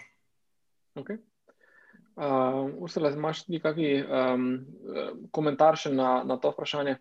Ja, imam. Pa moje so uh, tri tako tri možnosti. Ena je, da včasih stranke hočejo samo nekaj spremeniti, samo zato, da nekaj spremenijo. In to je ful, mislim, to je pa una umetnost, da jih peleš tako, da imajo na koncu občutek, da so vse one nekako dorekle. Uh, druge, druga možnost je pa, da enostavno včasih ne zberejo ta pravega. Ne vem, veš, da kljub vsemu je to neka um, soft veščina in da če imaš ti dizajnerja, ki ti ne more narisati tako, da bo te všeč, potem je bolj, da si izbereš drugega dizajnerja. Ker včasih to se mi zdi ne.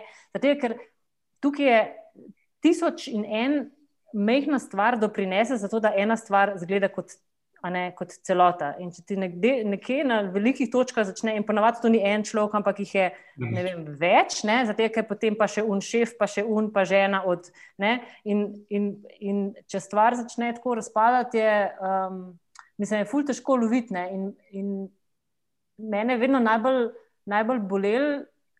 Tista odločitev, ki si rečeš, ma, a jim naredimo tako, pa briga me, sam da noben ne vidi, da smo to mi naredili, hmm. ali, ali, ne, ali se boriš ne, in koliko delati se boriš. In to so včasih tako une, um, ne, une dileme. Ne fula poči lahko to z enim AB testom ne, dokažeš, da, da je boljš, kot si ti rekel. Pa potem, pa potem je tudi šel zadovoljen. Okay, odlično. Dej, uh, zdaj, če se vrnemo na anketo, za katero smo začeli na začetku, pa če gremo tudi uh, z vama, če sta vprašanja, skratka, super, uh, kar 25 vas je nekako glasovalo v, tem, uh, v, tem, uh, v teh trditvah, v teh odgovorih. Uh, in uh, zdaj, če pogledamo malo, če sta vprašanja, skratka, vprašanje se je glasilo, označi, v kolikšni meri se strinjaš s podnjimi trditvami. Um, in um, torej, uh, prvo vprašanje je bilo, eh, oziroma prva trditev je bila, uporabnik tako prepozna torej spremembo v izgledu, izgledu produkta. In nekako, nekako zlata sredina tega odgovora je bila nekje na sredini, skratka, se, se strinjam, torej desno ekstrem, da se strinjam, in se levo, da se ne strinjam.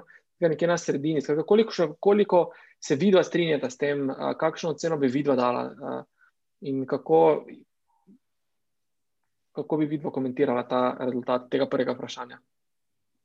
Torej, uporabnik takoj prepozna vsako spremembo v izgledu. Uh, Davorin, se strinjaš s tem? Od... 3,2 je kar vredno ocena. Mislim, da čist vsake zadeve ne prepozna. Tako smo oče na začetku začeli. Zdaj na UI, če je neka manjša sprememba v barvi, ne bo večja, večja bi bila, če je kakšna funkcionalna sprememba. Tako da mislim, da bo to čisto ok ocena. Mhm, mhm. Ja, jaz mislim, da, da ljudje zelo hitro v uporabnosti stvari ne, zaznajo, skoraj nekaj, kar je bolj fizično, medtem ko za te stvari, kako izgledajo, so počasi zelo slepi. Ja. Ne, vidijo, mislim, ne vidijo razlike. Zamenjaš fond po celi strani, pa ja. noben opaz. Jaz bi videl, da je malo manj, kot je celo to skoraj. Ampak če pa zamenjaš nekaj, da nekaj malo drugače dela, ne, potem pa. Ja. Je, se strinjate s trditvijo ali pa s potrditvijo tega, da se najboljše, najboljše spremembe tiste, ki jih uporabnik mogoče ne opazi na prvi pogled v resnici pa ne vem, ti neke ključne KPI-je pa izboljša. Je to sploh možno ali je to neka taka dubiozna trditev? Možno je. Ok, uh, butasta trditev, uh, gremo naprej. Uh, white space is wasted space. Uh, 1,8, skratka, veliko, večinoma uh, odgovorov se, torej, uh, se, se, se, se ne strinja s to trditvijo, Um, kaj pa vidva? Mislim, zagotovo white space ima svoje mesto. Um, jaz bi morda bolj, bolj nizko dal to oceno, ampak je pa po drugi strani spet res, smo že tudi začeli z AB testi, pa če pogledamo Amazon site, je tudi kar že nagužvan. Zdaj, v osnovi, če delamo nek landing page, pa design, da je, da je lepše, polje white space, zagotovo potrebno, ni wasted. Uh mhm. -huh. Ok, Ursula. Ja, pač tako je rekel. Ima svojo, zagotovo ima svojo funkcijo. Da, ja. Gremo naprej. Uh, Tako zelo najbolj uh, recimo, enoznačno uh, odgo ste, ste odgovarjali na to vprašanje, da je dober dizajn izboljša iz, izgled produkta. Tu se je težko ne strinjati s tem. Ne? Ja. Ja. Ja, mislim.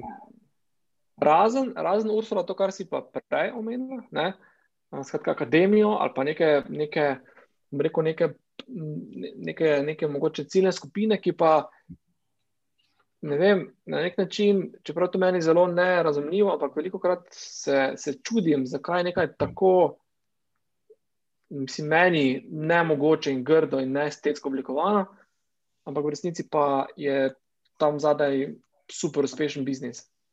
V tem primeru se ta trditev popolnoma podrene. Ja, ne vem. Uh, ena, ena stvar je stvar rismenosti, je rekel en moj uh, Fox Botas že pred ne vem kolikimi leti. Ne? Da enostavno eni deli populacije niso tako rismeni kot, kot drugi, ali pa, ali pa jim je to manj pomembno. No? Se pravi, se gre za en občutek za to estetiko. Če se s tem ful ne bi strinjali, jaz mislim, da dober dizajn predvsem izboljša funkcionalnost produkta. Da, um, da izgled je mogoče zdaj za mene. No, tle... Mogoče postavim drugače vprašanje. Je za tebe, ali pa se po vajnih izkušnjah, je bolj pomemben izgled ali uporabnost? Uporabnost, to je predvsem na prvo. Če, nimaš, če imaš samo izgled, pa že na homepageu ne moreš nikamor priti, boš zaprl, pa lahko najlepša stvar na svetu. Uh -huh. Ja, mislim, veš, ne, dokler ti delaš neke funkcionalne stvari in ne delaš arta, je pač funkcija. Ja. Ne smo dizajnerji, predvsem zato, da oblikujemo pač funkcije. Um,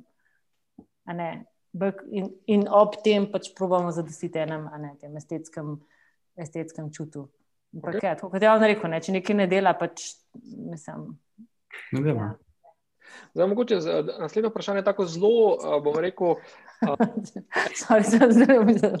Da bi imel človek aplikacijo za banko, za malo klikov, zelo da je lepa, če prav nimaš noč denarja. A veš, ne. Ne. ne. Si zadovoljen, da je lahko pol lepa. Ne, pa nič ne pomaga. Um, naslednji odgovor je, oziroma odgovori pri naslednjih trditvi so relativno enakomerno porazdeljeni. Skratka, trditev je, da dizajn mora biti originalen in nekako od uh, torej, takega zelo nestrinjanja na eni strani do močnega strinjanja na drugi strani in vse nekje vmes. Uh, več težišča na, tukaj na tem, torej, da mora biti originalen. Um, koliko se pa vi strinjate, zakaj? Uh, za vsako, koliko video je v bistvu stremita k temu, da je dizajn originalen, da je res nekaj posebnega, da za vsako ceno iščete, da je drugačno od konkurence, um, od vsega, kar obstaja na trgu. Koliko je ta originalnost uh, v bistvu pomembna ali pa neka prioriteta v, pri vajnem delu? Uh, jaz imam zdaj odvisno, zakaj se dela. Če se dela za neke nagrade, neki awards, neke take zadeve, pol, ja, pol je že fajn, da je nekaj takega, samo tiste strani ponavadi niso za neki širši, širši krok uporabnikov ali pa za neki biznis. Tisto je bolj, kaj lahko naredimo, to je to. Medtem ko za originalnost, ne, recimo neke zadeve, neke osnovne akcije, potrditve, prijave, take zadeve, če so preveč nove, zmedejo usera. Neke zadeve so take, ko je fajn, da so neki standardni deli, ko jih lažje uporabnik zaznano ni, zdaj, ni potrebno, da je čist vse form skrečne. So neki sestavni deli, ki se dajo uporabiti, sploh na iOS-u, na Androidu, zagotovo neke sistemske zadeve. Ne. Mhm, okay. Tu je boljše biti v bistvu zaradi uporabniške izkušnje, boljše, da je, da je ta dizajn v bistvu bolj standardiziran in da se v bistvu uporabnik ne spotika na takih nekih klasičnih. Ja, istih nekih ključnih zadevah, ko, ko veš. Ne. Zdaj, če so neke druge zadeve, ko jih lahko narediš, seveda, ok, ampak Doskrat pa ga res zmede, ne, če ni neka standardna stvar, sploh na iOS-u, Androidu. Kaj so take standardne stvari? Eh, kaj, da, Recimo, date pickeri ali pa neki selektori. Ali pa, uh, kak, primer je, kako zbereš datum na, na iPhonu ali pa, ali pa ja. uh, kako dobiš neki notifikation na Androidu, recimo, nekaj takega. Torej, odličen primer, torej date picker, torej kako si zbereš datum oziroma daš, uh, zbereš neko uro. Ne? Ja, točno to. Pri novi posodobitvi uh, iOS-a ste opazili, je v bistvu zdaj način vnosa ure v koledarju za mene totalno nemogoč. Ja. Stokrat slabši, kot recimo um, je bil prej. Skratka, da tisto zdaj tam tipkam uh, uro, namesto da v bistvu zelo ja. enostavno poskrolam, mi je mi je ne mogoče. Uh, uh -huh. Zdaj, kakšno je v bistvu tvoje ali pa vajno mnenje o, o tem? In um, verjetno pa se bo zgodilo, in, in, in, in vajno vprašanje tudi, um, ali se bom jaz s tem navadil in mi bo čez ne vem, pol leta to ful super izkušnja. Torej, najprej v tem trenutku, ali tudi vama to čudno, uh, ta nov način, uh, in na drugi strani, ali bo to je to samo stvar neke navade in, in, bo, in, in, je, in je v resnici to neka rešitev, ki je vem, bolj naravna, bolj uporabna in bom, v bistvu potrebujemo samo čas, da bo, bomo mi to skužili. Ka, kako je vano mnenje glede tega? To je super primer. Nek standardni, standardni element, standardna akcija na, vem, pač v operacijskem sistemu, ki so zdaj, jaz bi rekel, kar radikalno spremenili. No? Ja če ne bo, mislim, moje mnenje je, glede na to, da je Apple, če se karkoli dela na Apple, uh, je pač seveda fajn, da so Apple standardne zadeve. Uh, mene tudi zmoti, tudi mi ni kul. Cool. Mislim pa, da čez eno leto se boš pač navadil, pa boš pozabil tudi na to, da je to včasih bilo tako. Uh, novi det piker je, da se tec life Apple spremeni, on je lahko. Medtem ko pri nas je pa malo teže neke take eksperimente delati. No. Okay. Mislim pa tudi, da oni verjetno tega, tega niso naredili, a ne kar tako na pamet. Ni se spomnil, ni se spomnil nekdo, da bi bil originalen, če bi bil zdaj pikar. Ampak, uh, ampak so verjetno delali teste, ne, koliko časa rabiš, da vneseš. Uh, ne, in to je res, mislim, to je tipično nek feature, za katerega bi rad porabil nula časa. Ne. In, in so mogoče ugotovili, da ne vem, po user po tem, kar 30 krat to naredi, je ful hitrejši in ne vem, da se zmišljam. Ampak si predstavljam, da pač oni si dejansko lahko uh, take stvari prvo še za druge. Pa jaz mislim, da originalnost je. Pač vsak verjeten jo ne, na nek način, če si čist neoriginalen, ful težko sploh preživiš na trgu.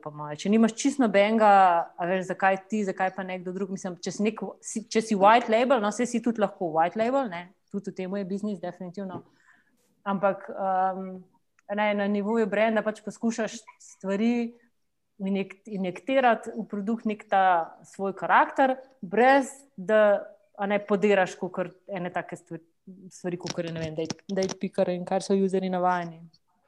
To je še ena zanimiva trditev. Uh, uporabnik zna vedno povedati, oziroma zna vedno povedati, ja, kaj potrebuje. Tudi tu je v bistvu večinoma odgovorov, skoraj 20 jih je tu spodnji bom rekel, tretjini, skratka, da se ne strinja s tem. Skratka, uporabnik so mne, večina je mnenja, ali pa dve tretjini vas je mnenje, da uporabnik ne zna povedati tega, torej, kaj potrebuje. Kakšno je pa vajno mnenje glede te trditve? Uporabnik zna povedati, kaj ga moti, uh -huh. uh, kaj pa potrebuje, pa redko. Uh -huh. okay, kako pa potem iz njega izveš, kaj potrebuje? Kaj potrebuje. Dobro vprašanje. Ja. Um, načeloma je tako, da vsaj, vsaj jaz tako delam, da opazujem, kako uporablja. Uh, če imam neki test, pa da vidim, da mogoče on, on v tistem primeru nekaj najde, pa moč ne zna povedati s pravimi besedami, pa z tega pol ven zloščimo.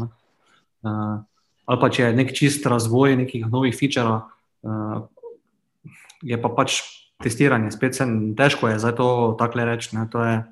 Um, pite je vedno lažje zapolniti, kot pa najti neke nove pike oziroma neke nove uh, feature, ki bojo super feature. -huh. Mhm. To je v bistvu tudi business development. Uh.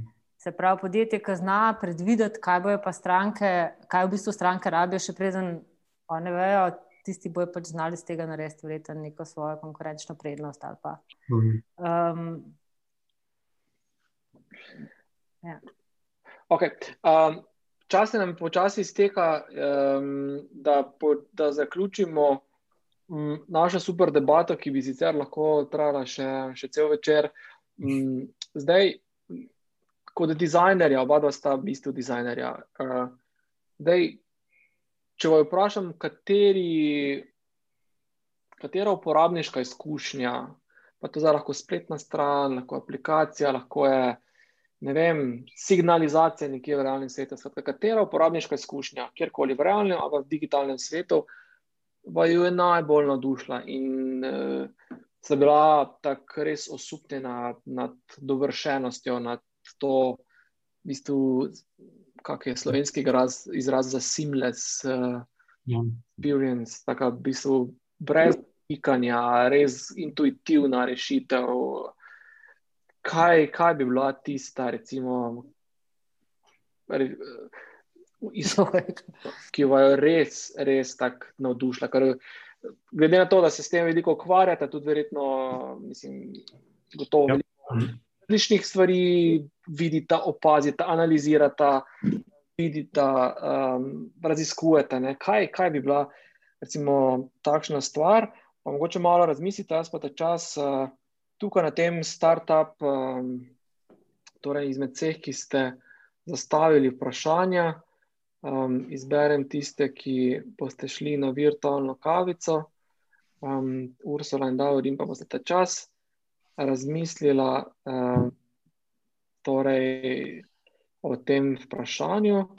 Um, torej, Tine, um, Tine Lenart je edini zastavil vprašanje Ursuli, oziroma poleg, poleg Aleša, um, ampak smo izžrebali torej, Tineta, uh, da bo šel na virtualno kavico z, z Ursulo.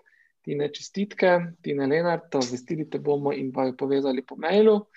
Um, Aleš, um, ti pa prav gotovo boš imel še kakšno priložnost Ursula srečati na kakem dogodku, glede na to, da si tudi um, podjetnik in se boste prav gotovo kje srečala. Um, zdaj, torej za Damjana uh, je postavil vprašanje uh, Marko, um, torej povezali da, Marko Likardo, povezali bomo po mailu in se tako virtualno nekako vas povabili uh, na kavico, Marko. Za Davorina pa je bilo malo več vprašanj in smo izžrebali Ano Logar, uh, ki je Davorina zastavila vprašanje. Skratka, Ana, uh, tudi. Torej, Ana, uh, vas bom povezal. Predavanje, eno gledam, pa ga ne morem na telefonu, vredno, še rabiš ti kako razložilo dodatno.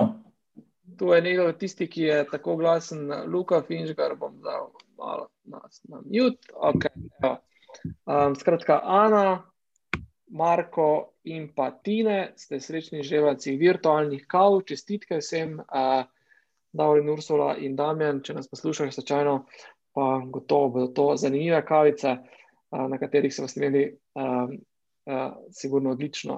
Um, skratka, Ursula, Davorin, da se vrnem zdaj k temu zadnjemu vprašanju. Um, kdo torej, uh, pa katera rešitev je tista, ki vam je mogoče uh, najbolj uh, navdušila uh, iz kakršnega koli vidika? Meni, rekel, v zadnjem letu, najverjetneje je bil revolut pred redesignom, ko so ga zdaj naredili.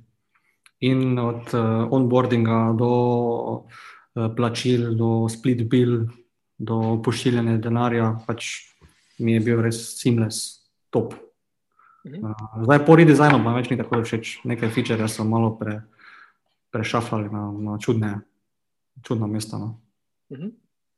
Ok, torej Revolut. Um, Ursula. Ja, jaz res prav ne morem se zdaj spomniti nekaj, kar bi lahko rekla, da me je tako pompozno, da si zastavil to vprašanje. Ne vem, če pomislim, kaj mene, ne, res je verjetno še, še vse nekaj uporabniška izkušnja iz, iz arhitekture. No. Ampak ne vem, nimam odgovora, a si jezen urban. Ne, kaj pa, kaj pa okay, bom drugače zastavil vprašanje. Kaj pa te je mogoče najbolj razjezilo, ali pa um, katera pa te je najbolj zmotila, kaj, te, kaj je bila mogoče? Za mene je en, en, uh, en trend, ki me res, ki me blazno jezine, je, da, um, da, mislim, da se mi zdi, da cel ta internet postaja tako blazno neuporaben. Ne? Uh, v smislu, da se generira toliko enega konta, da je tako prepleten z advertizingom, da, um, da tudi, ne, če zelo dobro veš, o čem. Um, kaj, kaj gledaš, je postalo blazno. Um, blazno na, na, na, mislim, meni je postal web blazno naporen. No.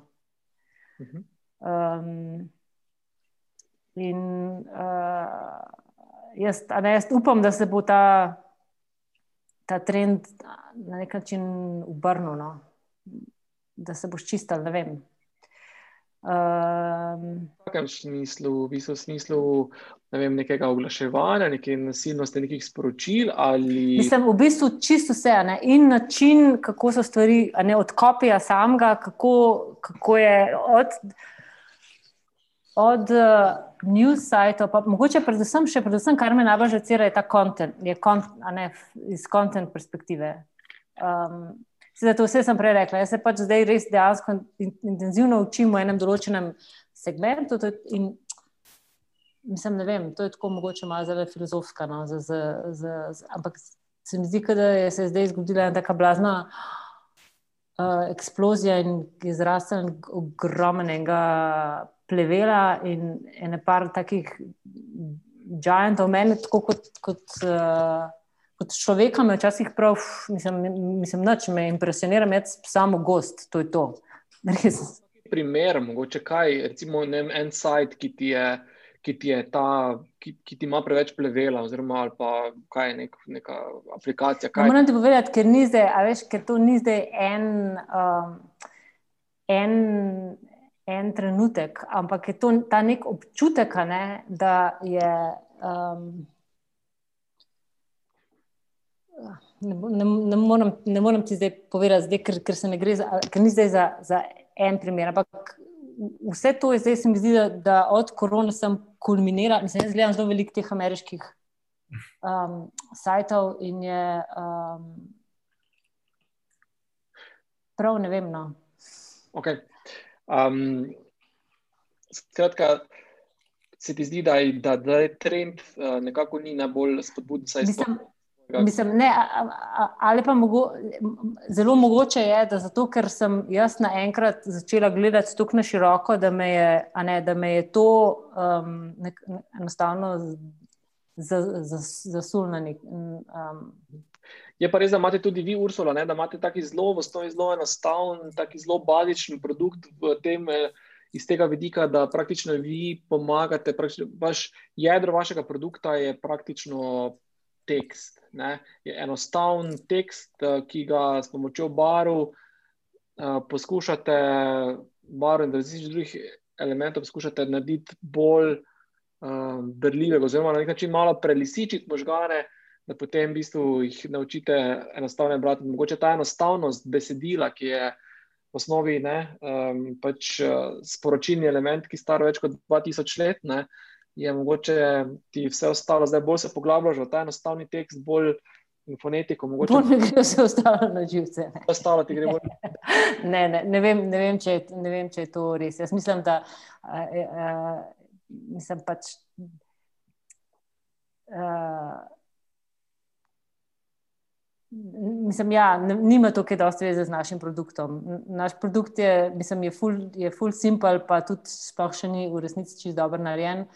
Ampak, uh, ne, če me vprašaš po nekih, mislim, vedno, vedno teže najdemo v enih stvarih res eno tako, uh, da si rečeš, wow, mater so pa tole pa res ful dobro naredili. Ne vem, no, ampak to mogoče ima bolj res. Sorry, ni, ni bilo zelo. Naslednji cursor, ko se srečamo, je moja. Mislim, to bi me lahko vnaprej vprašal, pa vse smal pripravljal. Sem zaradi tega trenutka, pa edina stvar, ki sem se spomnila, je, ne vem, je res je narava. Okay. Popolnost, ne popolnosti. Um, malo bolj filozofsko smo zaključili to debato, um, je bila pa v osnovi zelo konkretna v svojem bistvu, in jaz sem pripričan, da sem zelo užival v tem uh, in bi še z veseljem kot. Uh, rečeno klepetal. Hvala vsem, da ste. Um, hvala obema skratka, za, za te zanimive misli, ki ste jih delili, izkušnje, znanje na svete, um, svoje poglede um, na, na, na oblikovanje uporabniške izkušnje. Pripričan sem, da ste vsi sodelujoči uh, marsikatero konkretno stvar odnesli in da boste vaše uporabniške izkušnje um, uh, tudi s temi nasveti nekako boljše, lažje, učinkovite oblikovali. tu zdaj na ekranu vidimo še vse kontakte. Če jih poskenirate z vašim QR readerjem, telefonom, uh, boste prišli na LinkedIn profile naših treh gostov. Um, Pripričan sem, da bodo z veseljem še kakšno svet podelili, kakšno, kakšno misel. Um, sicer pa se vidimo, v kakšni naslednji priložnosti.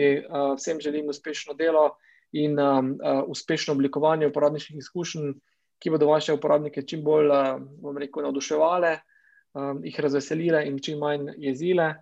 In Davor in Ursula, hvala še enkrat vama. Lep večer in se vidimo ob naslednji priložnosti. Upam, da čim prej tudi v živo, ali pa tudi tako virtualno, se tudi tako konec konca prijetno. Uh, hvala in lep večer vsem obema in se vidimo. Vidimo. Eh, hvala vam, čau. Ja. Hvala. Ja. Ja, čau.